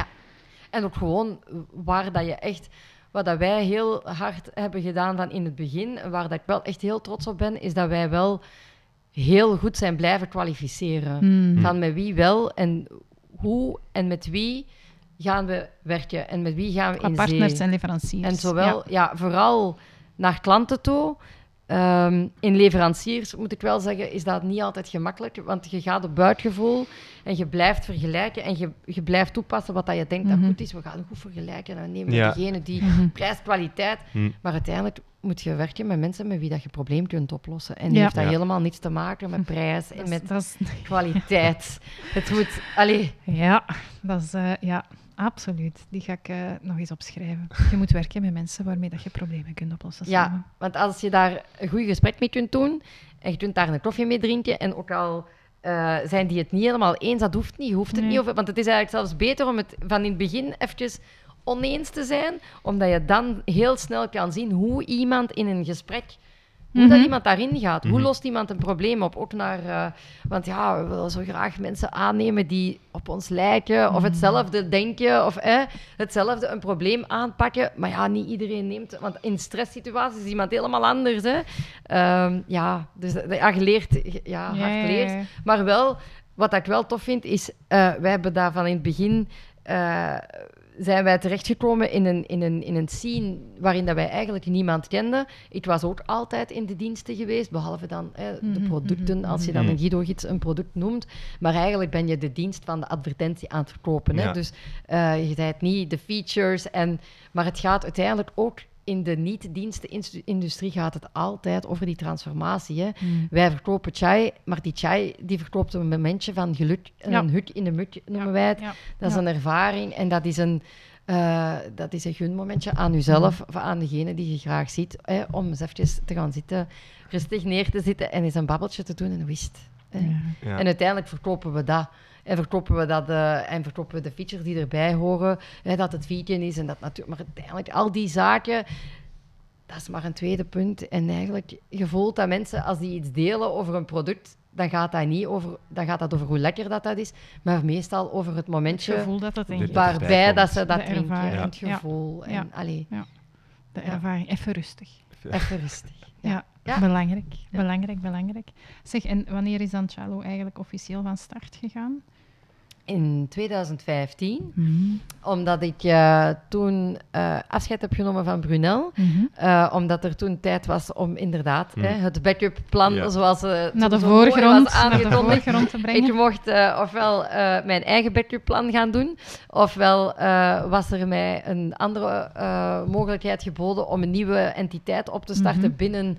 En ik dacht, ja, kijk, hè, mijn mama die heeft heel vaak gezegd tegen mij dat ze spijt heeft over de ding. Hè. Ze had heel graag een eigen horecazaak gestart en ze heeft dat nooit gedaan. En dat is echt niet het enige verhaal van spijt dat ik gehoord had. Mhm. Mm. En ik had zo echt iets van, nee, Gita, je moet, allee, je moet dit proberen, want je bent het verschuldigd aan je eigen missie.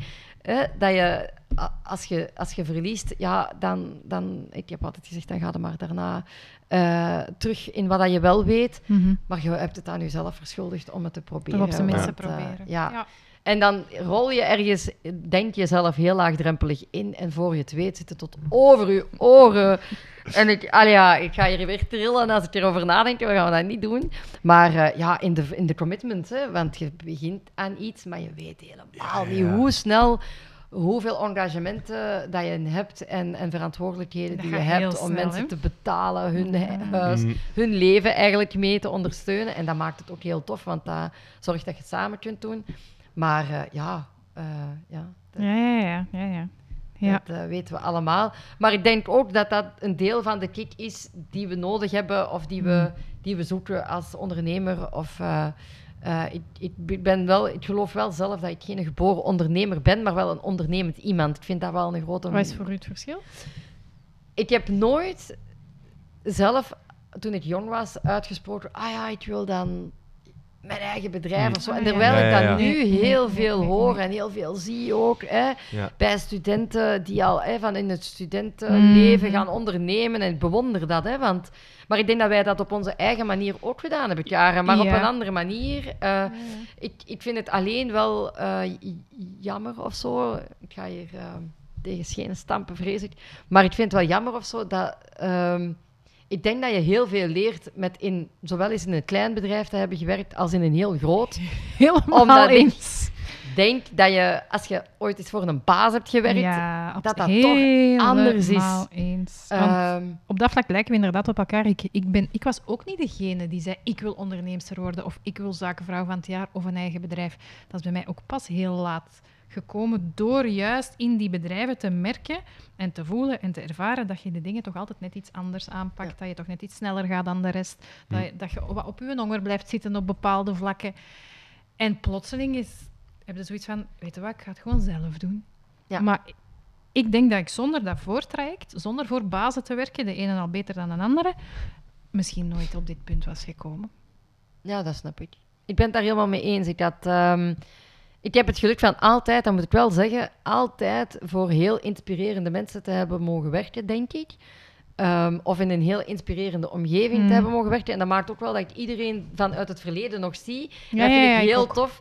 Ehm, en ik hoop dat ik, eigenlijk is mijn grootste ambitie naast de missie om voor Via Chalo een, een, een charity te kunnen opzetten in India. eh, en, en die chai op die warme dra- drankkaart te Mm. kunnen pushen, is vooral dat ik zelf een inspirerende leider kan zijn voor mijn eigen team. Ja, maar en ja, ik denk dat dat is dat, de moeilijkste missie. job is. Ja, dat is ook de moeilijkste. ja, ja, om, ja, nee, eens. Maar ik heb wel de indruk dat vandaag de dag er helemaal anders gekeken wordt, zeker door jonge mensen, naar ondernemen dan, dan ja, twintig jaar geleden. En nu is dat helemaal hip en happening. En Ja, ja, en ja, 20 iedereen is ondernemer. Hè. En- Ja. En dat is, ja, Ik- dat is Jullie, ik heb de indruk dat jullie daar veel meer naar opkijken, naar ondernemers, dan... Ik was daar niet zo mee bezig, eigenlijk. Ik, ik denk dat ook wel, maar ik denk dat dat ook komt door, door heel veel succesverhalen, denk ik, dat wij natuurlijk ook meekrijgen, van, Mhm. zeker ook vanuit, vanuit Amerika, en hoe dat Steve Jobs en al die, al die mannen, die zijn ook in hun garage gestart en kijk wat ermee gebeurd is. En dat, oké, dat zijn uiteraard zijn dat de, de verhalen, Ja. maar ik denk dat, dat is wel iets dat wij heel hard hebben meegekregen, van Ja. het, het kan en Ja. bijna die American Dream. Ja, het klinkt inderdaad zo wat de American Ah, wel. Dream. En ik, ik, ik denk dat, dat onze generatie, als ik dan voor iedereen in mijn generatie mag spreken, ehm, dat inderdaad heel erg heeft meegekregen van het, het kan, het, het is niet onmogelijk. En ik, dat weet ik uiteraard niet, maar ik denk dat bij jullie misschien minder voor de hand lag om... om Ik was daar niet mee bezig. Ik kwam ook niet uit een ondernemend Ik ook niet, helemaal niet. Misschien uit- daarom. Ah nee, ik ook niet. Ik, ja, heel mijn studentenperiode dacht ik dat ik in het onderwijs ging. Ah ja. Ja, dus ik, nee, ik ben daar ook gewoon niet mee bezig geweest. Ik, ik denk dat je gewoon, eh, ik zeg het, dat ondernemende en zo 100% voor iets gaan en dat plicht. Be- Dat heb ik ook altijd gehad. Dat heb ik altijd gehad en dat vertel ik altijd als mensen, want ik krijg die vraag heel vaak. En ben je altijd, eh, als was het altijd uw grote droom? Nee. Mm. Hm. Maar ik wil wel altijd van, van alles eh, het onderste uit de kan halen. En of dat, dat nu gemakkelijk of moeilijk is, ik dan, ja, kies ik Mhm. toch wel heel vaak misschien voor de minst gemakkelijke weg. ja. Dat heb ik ook mijzelf al vaak beklaagd, maar het zit echt in, in, ja, in de aard van het beestje. Ja.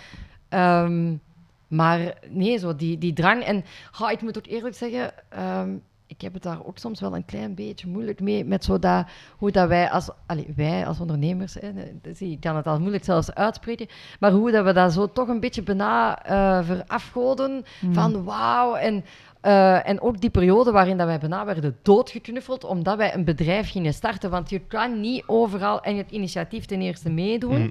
Eh, en ten tweede, ja, het- je moet ook gewoon in uw, allez, je moet aan uw business werken, oké. Mhm. Maar dat doet je niet alleen door op Nee. seminaries en Nee. eh, netwerkeventen te zitten. En op den duur eh, werd dat zo ja, bijna wel verwacht dat je zo in die high society van de Mhm. ondernemers terecht Ja. ging komen. Ik ben daar eh, nooit in terecht gekomen. En ik, eh, maar ik vind dat ook eigenlijk Dat niet hoeft erg. ook niet. nee. Ehm, maar dat maakt wel, ja, ik denk wel dat dat, dat, dat toch een aantal dingen bepaalt of zo. En ik, ik vind dat wel jammer, want ik heb wel zelf ook hele moeilijke, zware, woelige Mm. wateren doorzwommen. Mm. Eh, ja, en ik vind het jammer dat we daar niet wat meer aandacht voor hebben. Want als we alleen maar die succesverhalen delen, dan lijkt die weg ook wel bijna evident. En dat is, Dat is het niet. zo. Nee. Dat, ja, ik denk dat dat wel, dat is meer en meer het geval met social media en op Ja. LinkedIn. Het, is, het, is- het wordt meer een paradepaardje dan, dan wat er daar gedeeld wordt. En dat is gewoon het, het beeld dat iedereen ook krijgt van iedereen kan ondernemer zijn. En dat is misschien niet is dat niet de juiste weg. Nee. Dat we nu aan het opgaan zijn met de, het, ik noem het een beetje showboating. Ja. Mhm. Ehm, van alle ondernemers die hun succesverhaal aan het delen zijn. Maar wat er daarvoor allemaal gebeurd is, dat weten we eigenlijk niet. Hè? Nee, Nee, en dat is zo jammer, want als je dan het verhaal De Woelige Wateren gaat delen... Ik heb eh, vorig jaar die stap gezet om dat wel te doen, omdat ik ook bijna Mhm. niet anders... ik mo- ik kon inderdaad ook niet anders. Maar hoeveel mensen mij dan hun eigen verhaal Klopt. hebben verteld van hun woelige wateren, Hm. maar daar wel heel duidelijk bij zeggen van mag alsjeblieft dat toch niet Ja, verder ja. vertellen. vertellen. Ja. Want hun man, en heel vaak, want dan ga ik echt eh, stoute dingen zeggen, maar Mhm.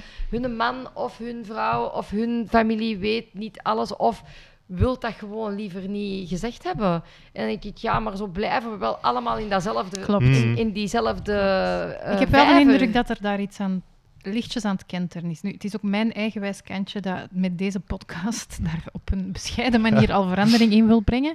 Ik, ik voel mij dan heel opstandig worden. Ja. Van al die, heel die reeks succesverhalen, omdat iedereen die onderneemt, of dat dat nu mijn eigen bedrijf is, of in een bedrijf naar verantwoordelijke functies toe, die weet, je krijgt dat niet zomaar cadeau. En pas op, ik heb daar geen spijt van, ik vind dat nog altijd tof. Maar dat wordt niet verteld. Nee, dat is zo. Ja. En dan denk ik, ja, niet moeilijk dat, dat we daar met heel veel gedesillusioneerde jonge mensen zitten, want niemand heeft hen ooit verteld wat er echt allemaal bij komt kijken. En wel, hoe tof dat ook wel kan zijn.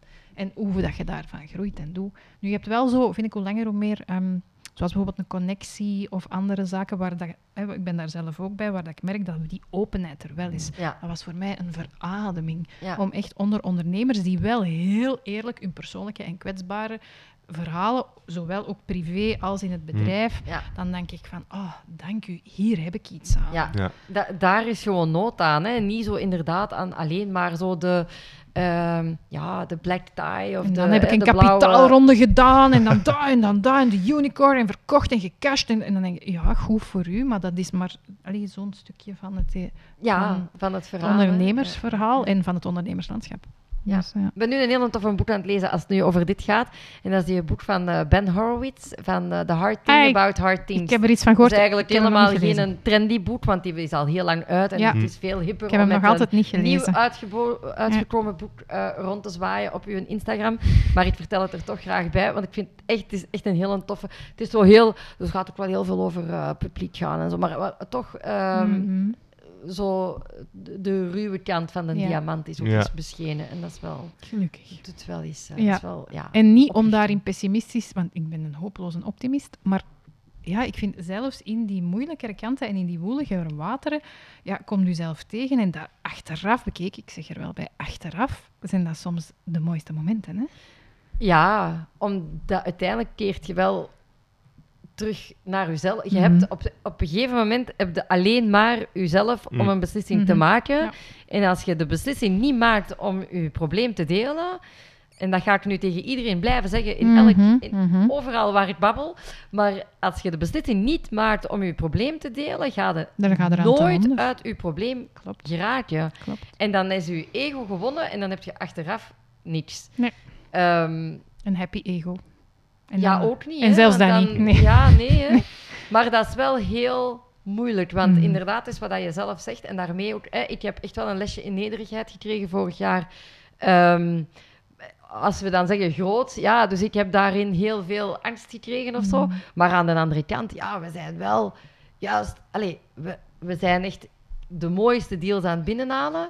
Eh, en ik denk juist doordat we eens even heel hard eh, hebben moeten naar binnen keren en Mhm. moeten kijken, kijk mannen, we zijn hier van alles aan het doen. Mm. Wat is eigenlijk echt wat we, waar willen we echt voor staan? En, en dat daar zijn we echt terug naar gaan kijken. Wie zijn wij? Wat is de DNA van ons bedrijf? Met wie willen we werken en waar willen we voor staan? En dat is effectief, dat is dat dat product en dat verhaal daar liggen. En als je dan in een, in, als die armen van die mensen in die industrie, wat een hele toffe, inclusieve industrie, met hipsters en barista's, maar vooral heel die scene gunt elkaar de groei van koffie en de koffie-gerelateerde zaken. En dat is prachtig.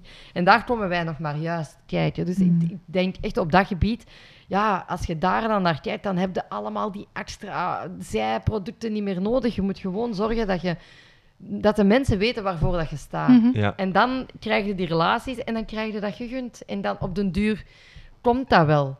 Ehm, als de mensen zien dat je niet opgeeft en dat, dat je blijft staan voor wie dat je wilt zijn. Ja, nu ben ik echt aan het drammen, hè.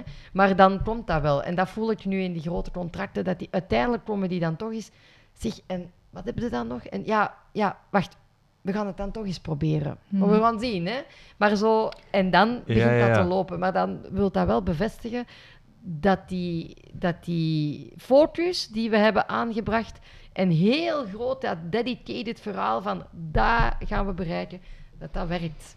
En eigenlijk maakt het dan niet uit of dat je dan in de Gazet van Antwerpen staat of niet. Ehm, het belangrijkste is Mhm. dat de mensen die u moeten mee groot maken, dat die weten wat, dat je, Mhm. wat, wat dat je wil bereiken en wie dat je bent. En dat je daar samen probleempjes mee kunt oplossen, denk ik dan. Absoluut. Samen probleempjes oplossen. zeg je nu de toekomst? Nog dromen?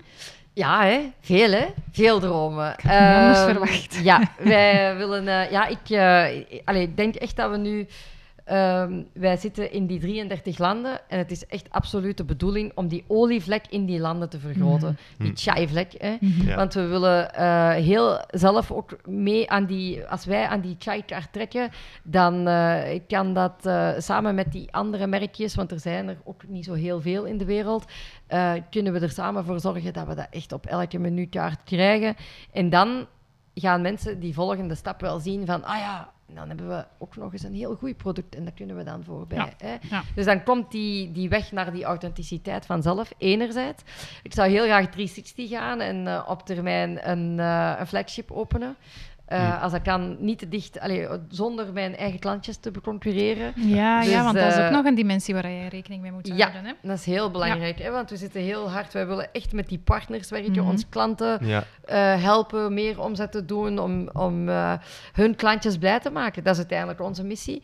En het, ik denk dat het belangrijkste is dat wij dan, als wij zoiets willen doen, dat we dan ook niet ons ego in dat project eh, naar, Mm. van, allee, laten ehm, bovendrijven, maar dat we echt rekening houden met waar past dat, hoe past dat. Maar we voelen wel dat er plaats is voor een soort atelier waarin dat wij zelf onze klanten kunnen ontvangen die dan eh, aan de slag kunnen gaan voor workshops. Maar dat ook eh, Jan, Jan en Piet met de pet op is gaan binnenwandelen en is gaan zeggen, ah, ik wil hier een chai en hoe moet ik dat nu precies maken Mm. en proeven. En Ja. dat we die mensen een plaats kunnen geven eh, om zich welkom te voelen, om het verhaal te ontdekken.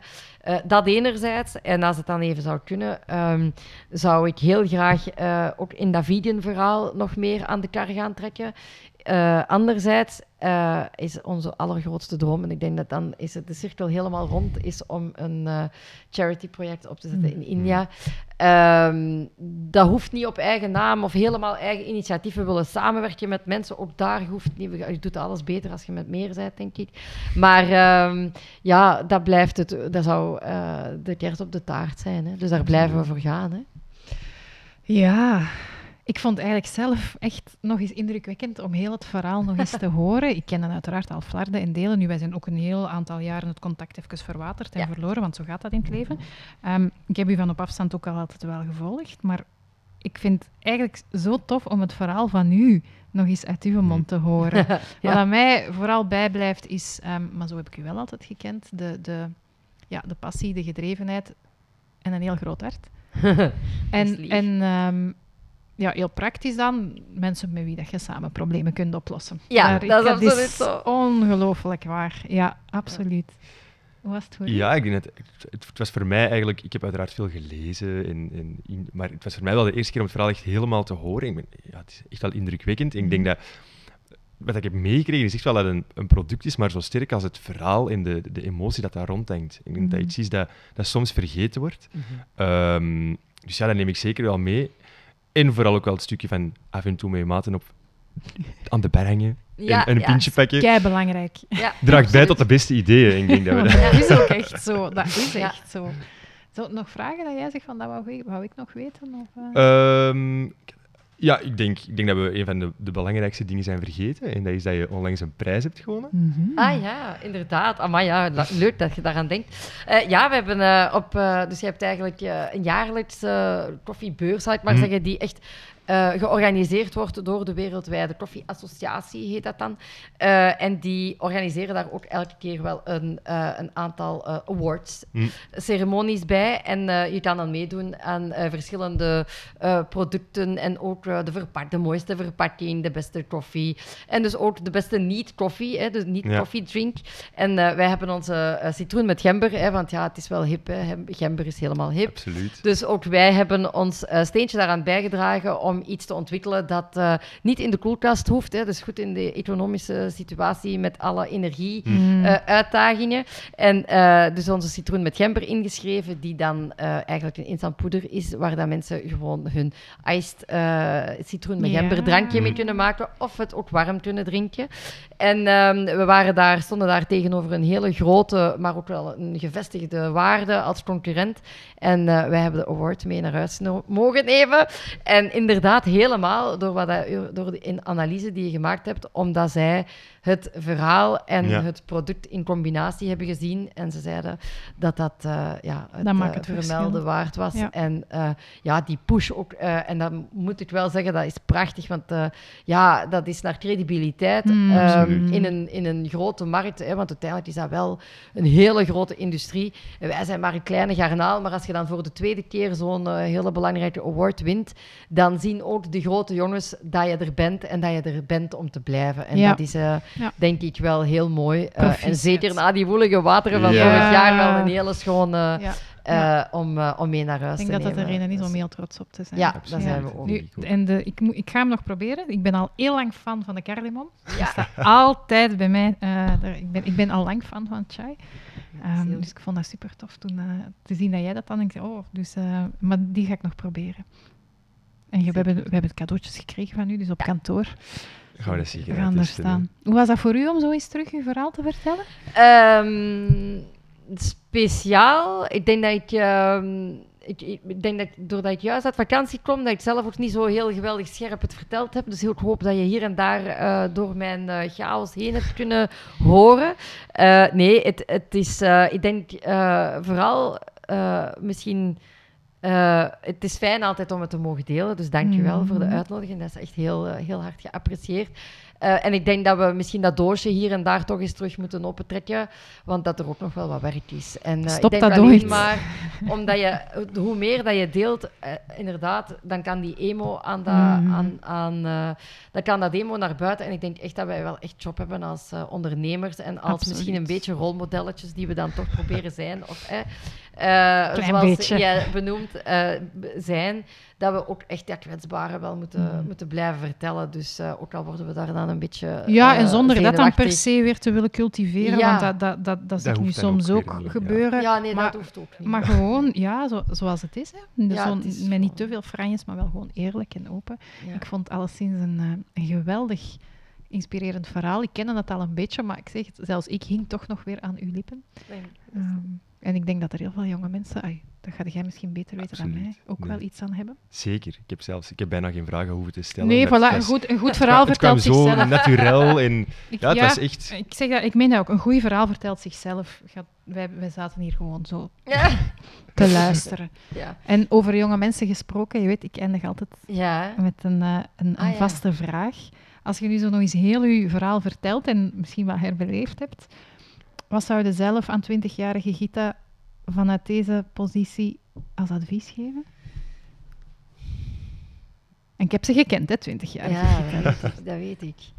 Ja, Dus ah, we, mijn- we zitten aan een toog. we zitten aan een toog. toog, We zitten, ja. we zitten aan een toog. In, in, in, Helaas zit ik tegenwoordig niet meer zo vaak aan een toog. Dus wij zitten aan een toog. In de, in, in de Zwa of in de, de Salamander? salamander. Allee, zo, de salamander. We Ja. zitten aan een toog in de Salamander. En we zijn daar aan het babbelen en aan het doen. En plotseling tingeling. En ineens komt. 42-jarige Gita binnen. Oeh, oh. Ik zou Wat haar zeggen, zeggen? blijf gewoon je hart volgen. Ehm, ja, en blijf wel echt bij je gedacht. Hmm. Want ik denk dat er...